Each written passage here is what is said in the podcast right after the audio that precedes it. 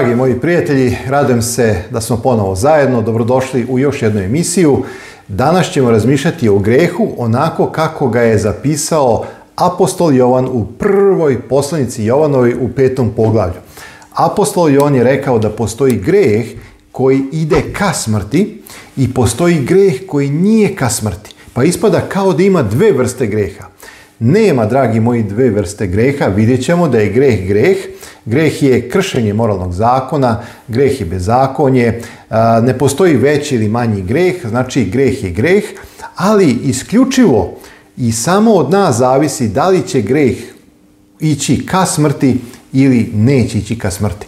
Znači to zavisi od naše odluke i od našeg stava prema cijeloj ovoj priči. Pre nego što uđem u sam tekst, samo da vam kažem, zahvaljujući Bože blagodati i vama, YouTube kanal Biblije uči i dalje može da deli besplatan primjerak svete Bože reči. U pitanju je prevod Karadžić Daničić. Na osnovu gornje adrese biblijskaetika.gmail.com, možete poručiti. Biblija je besplatna, jedino što treba obezbediti jeste poštarina.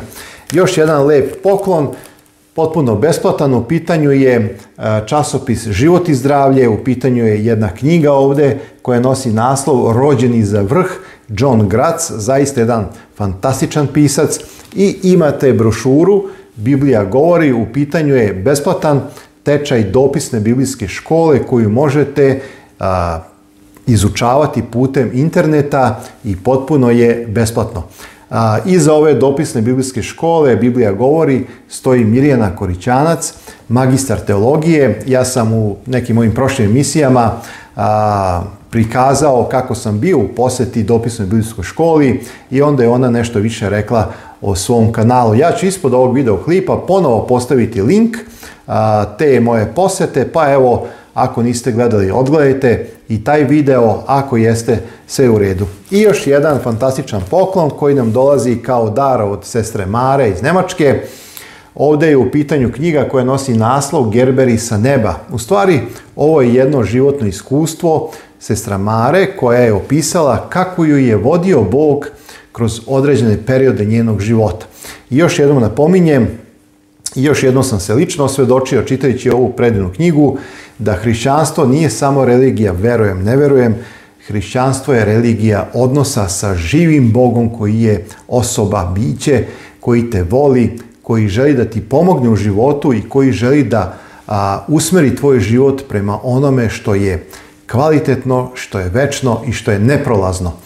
Ovo je zaista melem za svaku dušu i ja preporučujem.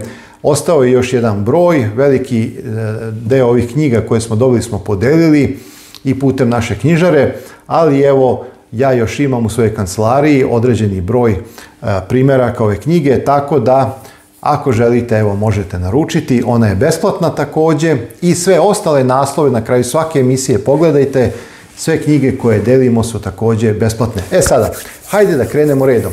Otvorite prvu je ono u peto poglavlje. Uzmite Biblije u ruke. Od 16. do 20. stiha, prva je ona peto poglavlje, kaže tekst, ako ko vidi brata svoga da greši, Znači, mi često kada vidimo nekoga da greši, kažemo, ma nećemo mi da se mešamo, to je njegov život, to je njegova odluka. Ne, mi smo zajednica, hrišćani vole jedni druge i hrišćani se brinu jedni za druge.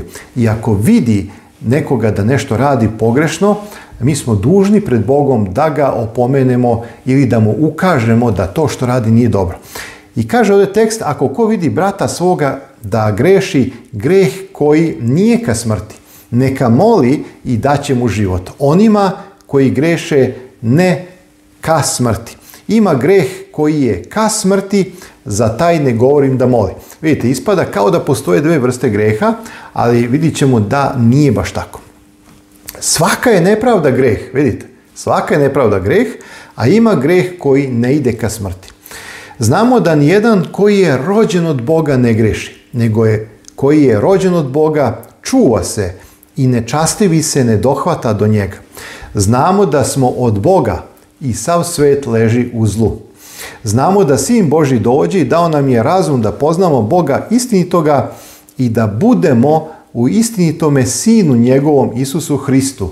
Ovo je istiniti Bog i život večni. Dragi moji, nekoliko momenata ovdje treba zapaziti da bismo razumeli još bolje ovih nekoliko tekstova. Ja sam pripremio također nekoliko misli iz Jevrema poslanice desetog poglavlja iz Evanđelja po Jovanu trećeg poglavlja, u pitanju onaj susretni Kodima i Hrista i na kraju pročitat ćemo iz prve poslanice Jovanove trećeg poglavlja nekoliko fantastičnih tekstova. Tako da sve je to potrebno da bismo razumeli šta je ono što ovde Jovan govori u njegovoj prvoj poslanici petom poglavlju. Da razumijemo greh koji ide ka smrti i da razumijemo greh koji ide, koji nije ka smrti. E sada, hajde da krenemo redom. Vi dobro znate da postoje samo dve grupe ljudi na ovome svetu. Postoje ljudi koji žive i koji greše i uopšte ih ne zanima to što greše, niti se kaju, niti žele da se menjaju, prosto oni greše navalice, oni greše namjerno.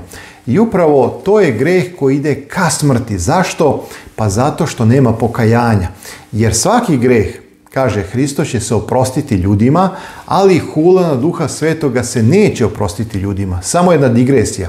U tom širem kontekstu hulana duha svetoga označava kada se dela Božja, dela Hristova, dela duha svetoga, proglase delovanjem đavola. I upravo u tom kontekstu su osudili Isusa Hrista da knezom đavolskim izgoni đavole. A u stvari Isus to radi duhom svetim i pošto su dela duha svetoga proglasili delima đavola, Isus kaže učinili ste hulu na duha svetoga, a to je neoprostivi greh.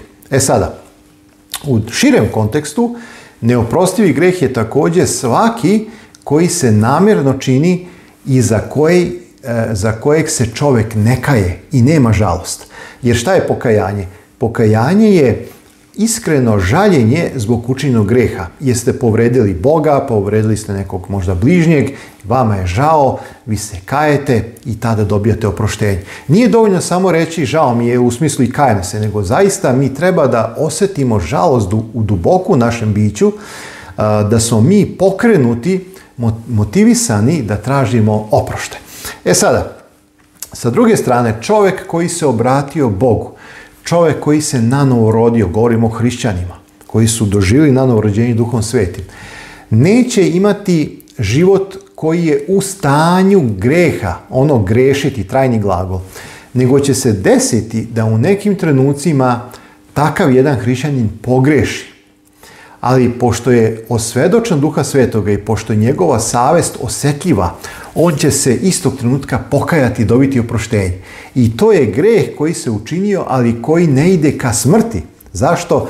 Zato što mu je Bog oprostio jer se pokajao. Znači, greh koji ide ka smrti su gresi za koje se čovek ne kaje, neha je za njima, živi rasputno, baš ga briga i za Boga i za bližnje, živi sebično i tu, dragi moji, nema spasenja. Hajde da to malo pojasnimo kroz još nekoliko biblijskih tekstova. Evo recimo je vremena poslanica deseta glava.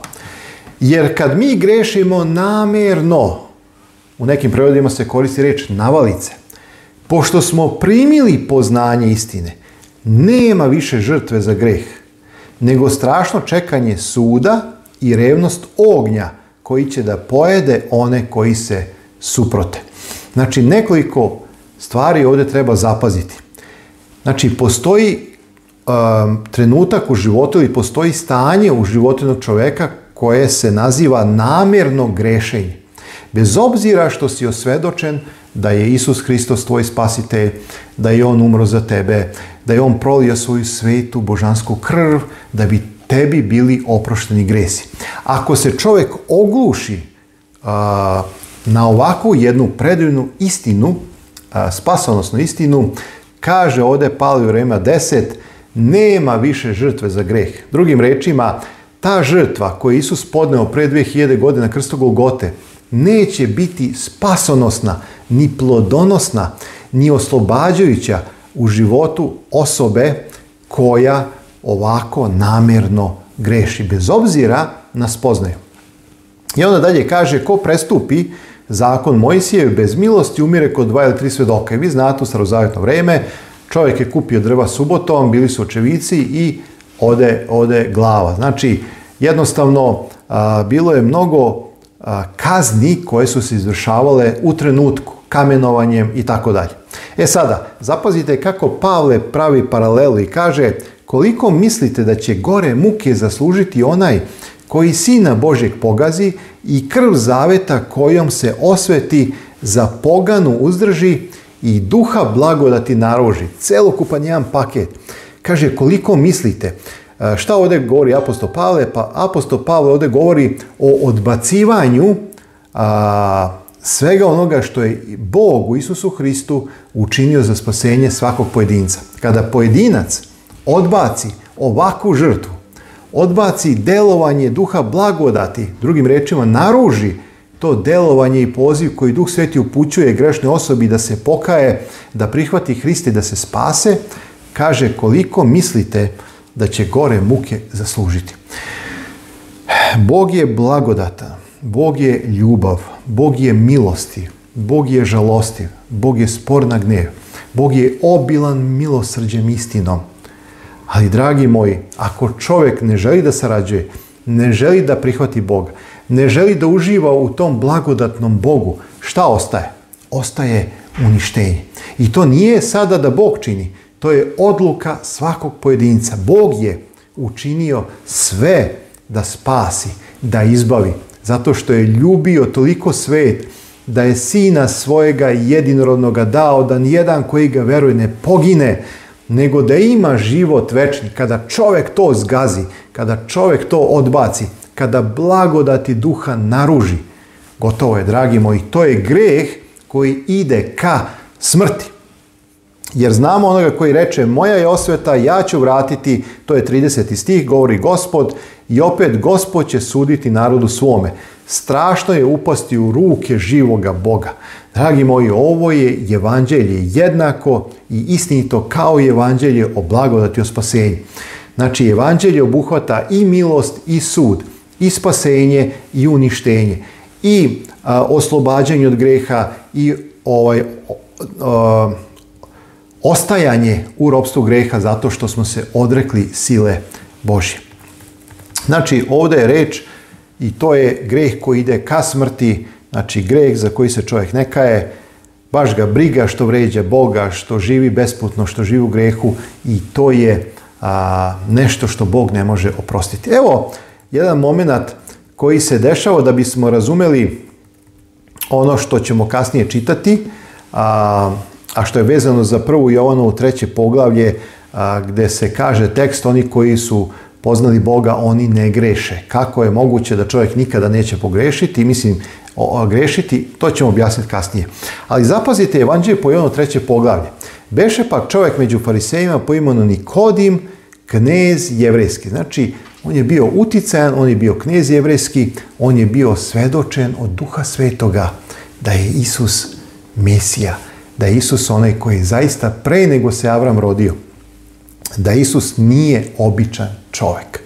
Ovaj čovjek k Isusu dođe noću, bilo ga sramota danju, i reče mu ravi, znamo da si ti učitelj od Boga došao, jer niko ne može čudesa ovih činiti koje ti činiš, ako Bog nije s njim. A odgovori mu Isus direktno, dragi moji, u centar.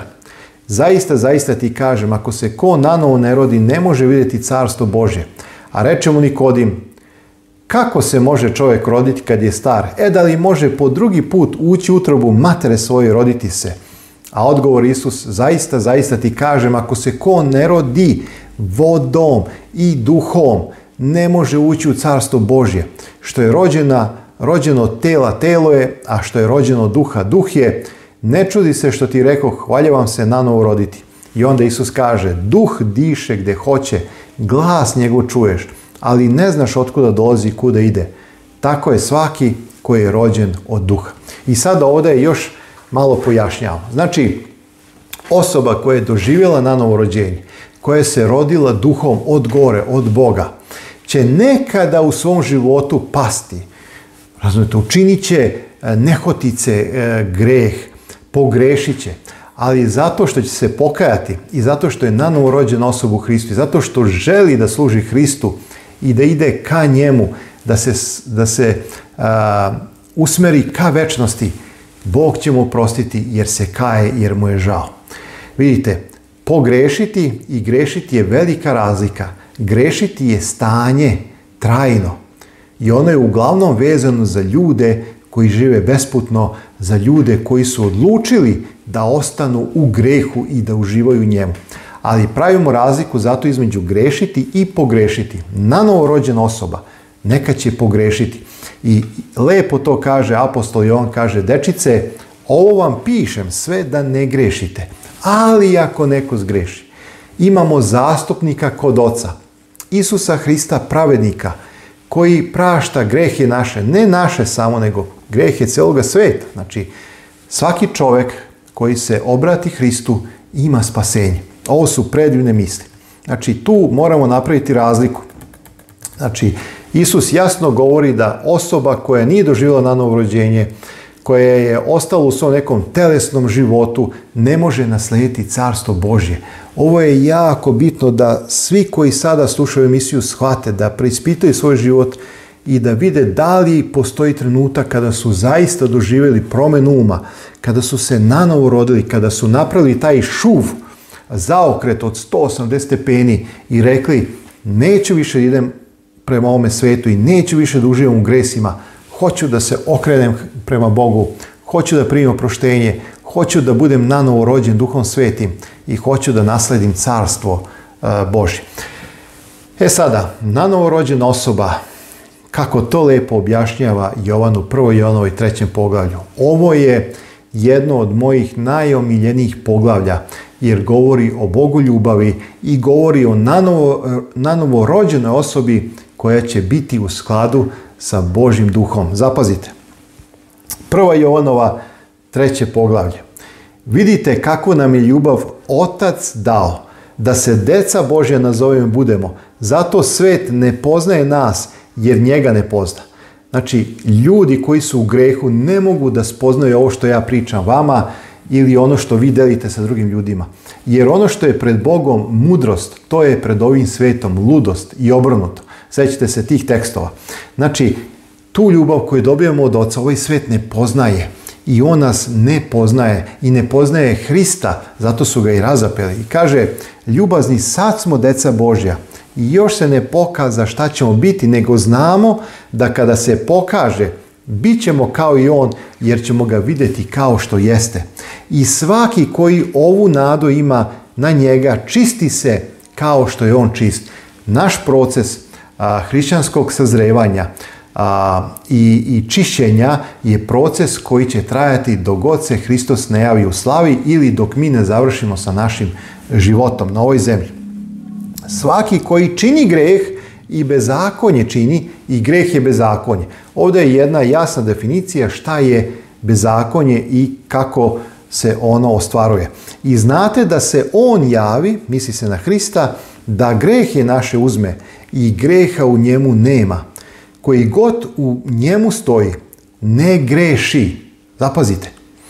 Koji god greši, ne vidi ga niti ga pozna. Ovdje je taj trajni glagol grešiti u pitanju je e, osoba koja nije naurođena, u pitanju osoba koja je ostala u stanju greha. Takve osobe ne mogu da poznaju Boga i njegovu ljubav. Dečice, niko da vas ne vara koji pravdu tvori pravednike kao što je on pravedan. Koji tvori greh od đavola je, zapazite, jer đavo greši od početka. Zato se javi Sin Boži da raskopa dela đavola. Znači, ako ostajemo u stanju greha, to je put ka smrti, to je greh ka smrti, mi smo onda od đavola, onda činimo dela đavola.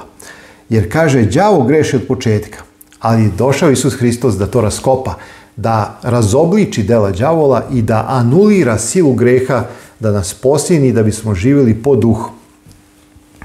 Kaže, koji je god rođen od Boga ne ne čini greha, jer njegovo seme stoji u njemu. To je ono što je rekao Isus Nikodimu, valjati se nanovo roditi. Kaže, koji je god rođen od Boga. Znači, svi se mi rađamo u grehu, ali u jednom trenutku kada spoznamo istinu, kada čitamo Bibliju, kada imamo želju da se nanovo rodimo, Duh Sveti nas menja. I šta se onda dešava? Kaže, jer njegovo seme stoji u njemu i ne može grešiti, jer je rođen od Boga. Zato Isus kaže što je rođeno tela, telo je, a što je rođeno duha, duh je. Po tom se poznaju deca Boži i deca đavola. Vidite ovdje sada razliku. Koji god ne tvori pravde, nije od Boga i koji ne ljubi brata svojega. Tvoriti pravdu je uvijek vezano za moralni zakon, deset Božih zapovesti i ljubav prema bratu je znak da si u Hristu i da je Hristos u tebi. Kaže, Potom se poznaju deca Božja, vidite i deca đavola. I onda se stih, jer je ovo zapovest koju čusti s početka da ljubimo jedan drugoga. Na drugom mjestu kaže ljubav izvršenje zakona. Ljubav prema bližnjem ili prema bratu je ispunjenje onih šest zapovesti, je oca, majku, ne ubine, kradi i tako dalje. Kao što Kain beše od đavola i zakla brata svojega, a za koji uzrok ga zakla, jer dela njegova behu zla, a brata mu pravedna. I na samom početku Biblije vi imate dve religije. Religiju koja sluša zapovesti Božje, to je Avelj, koji je poslušao i učinio ono što je Bog očekivao i Kain koji je odlučio da ima religiju, da veruje kako on misli da treba i zato Bog nije pogledao na njegovu žrtvu. I šta se desilo? Desilo se da se Kain razljutio i ubio brata. To je ono što radim u sebi otkrivenja. Zato postoje ta progonstva, zato su mnogi takozvani eretike i hrišćani u srednjem račnom veku ubijali, zato što su njihova dela bila pravedna, a ovih zli i zato su progonili. To je duh Kaina i to nikada nemojte zaboraviti. Hrišćanstvo koje progoni nema nikakve veze sa Hristom uvek će biti onaj ostatak koji je Hristov i koji će biti proganjan. On će uvek biti u manjini jer je tako zapisano. Ja ovo pričam na osnovu onoga što proučavam i čitam, a čitajte i vi da biste razumeli. I onda dalje kaže, ne, ne čudite se, braćo moja, ako svet mrzi na vas. Kada propovedaš evanđelje, kada želiš da živiš hristocentričan život, kada se posvetiš proučavanju Biblije, ljudi kažu vidi je nešto odlepio, vidi otišao zastranio tamo u neku sektu. Čim počinješ da slaviš i uzdižeš Hrista, kažu šta si ti malo, ajde spusti se na zemlji i tako dalje, ti si neki sektaš, neki jeretik. Evo, to je ono ovdje o čemu govori reč Božja. Kaže, svaki koji mrzi brata, krvnike ljudski. A znate da nijedan krvnik ljudski nema u sebi život večni. Po tome pozna smo ljubav što on za nas dušu svoju položi, mi smo dužni polagati duše svoje za braću. I sada zapazite, 17. stih. Koji dakle ima bogatstvo ovoga svijeta i vidi brata svog u nevolji i zatvori srce svoje od njega, kako ljubav Božja stoji u njemu. Dečice moja, da se ne ljubimo rečim jezikom, nego delom istinom. Zato Isus kada dođe kaže Biblija doneće platu po delima, ne po rečima, jer čovjek može da priča, priča, priča, ali da njegov život i da njegova dela, da totalno bude nezainteresovan za bližnjega svoga. A ovdje tekst lepo kaže, dečice, da se ne ljubimo samo reč, e, ja volim vas, vi volite mene, nego delom i istinom. I po tome poznajemo da smo od istine i pred njim tešimo srca svoja. I evo za kraj, jer ako nam zazire srce naše, Bog je veći od srca našega i zna sve. I sada zapazite ovaj zaključak. Ljubazni, ako nam srce naše ne zazire, slobodu imamo pred Bogom. I šta god zaištemo, primit ćemo od njega, jer zapovesti njegove držimo i činimo što je njemu ugodno. I mnogi ljudi kažu, molim se, ali me Bog ne čuje, molim se, ali mi Bog ne uslišava molitve. Zapazite, što god zaištemo, primit ćemo, ali postoji kondicional, postoji ona reč ako, jer zapovesti njegove držimo. Uslov da bi te Bog uslišio, uslov da bi te Bog čuo, uslov da bi te Bog blagoslovio jeste da si odlučio da držiš ono što je njemu ugodno i da držiš zapovesti njegove, to vam je stih 22. I ovo je zapovest njegova da verujemo u ime Sina njegova Isusa Hrista i da ljubimo jedan drugoga kao što nam je dao zapovest.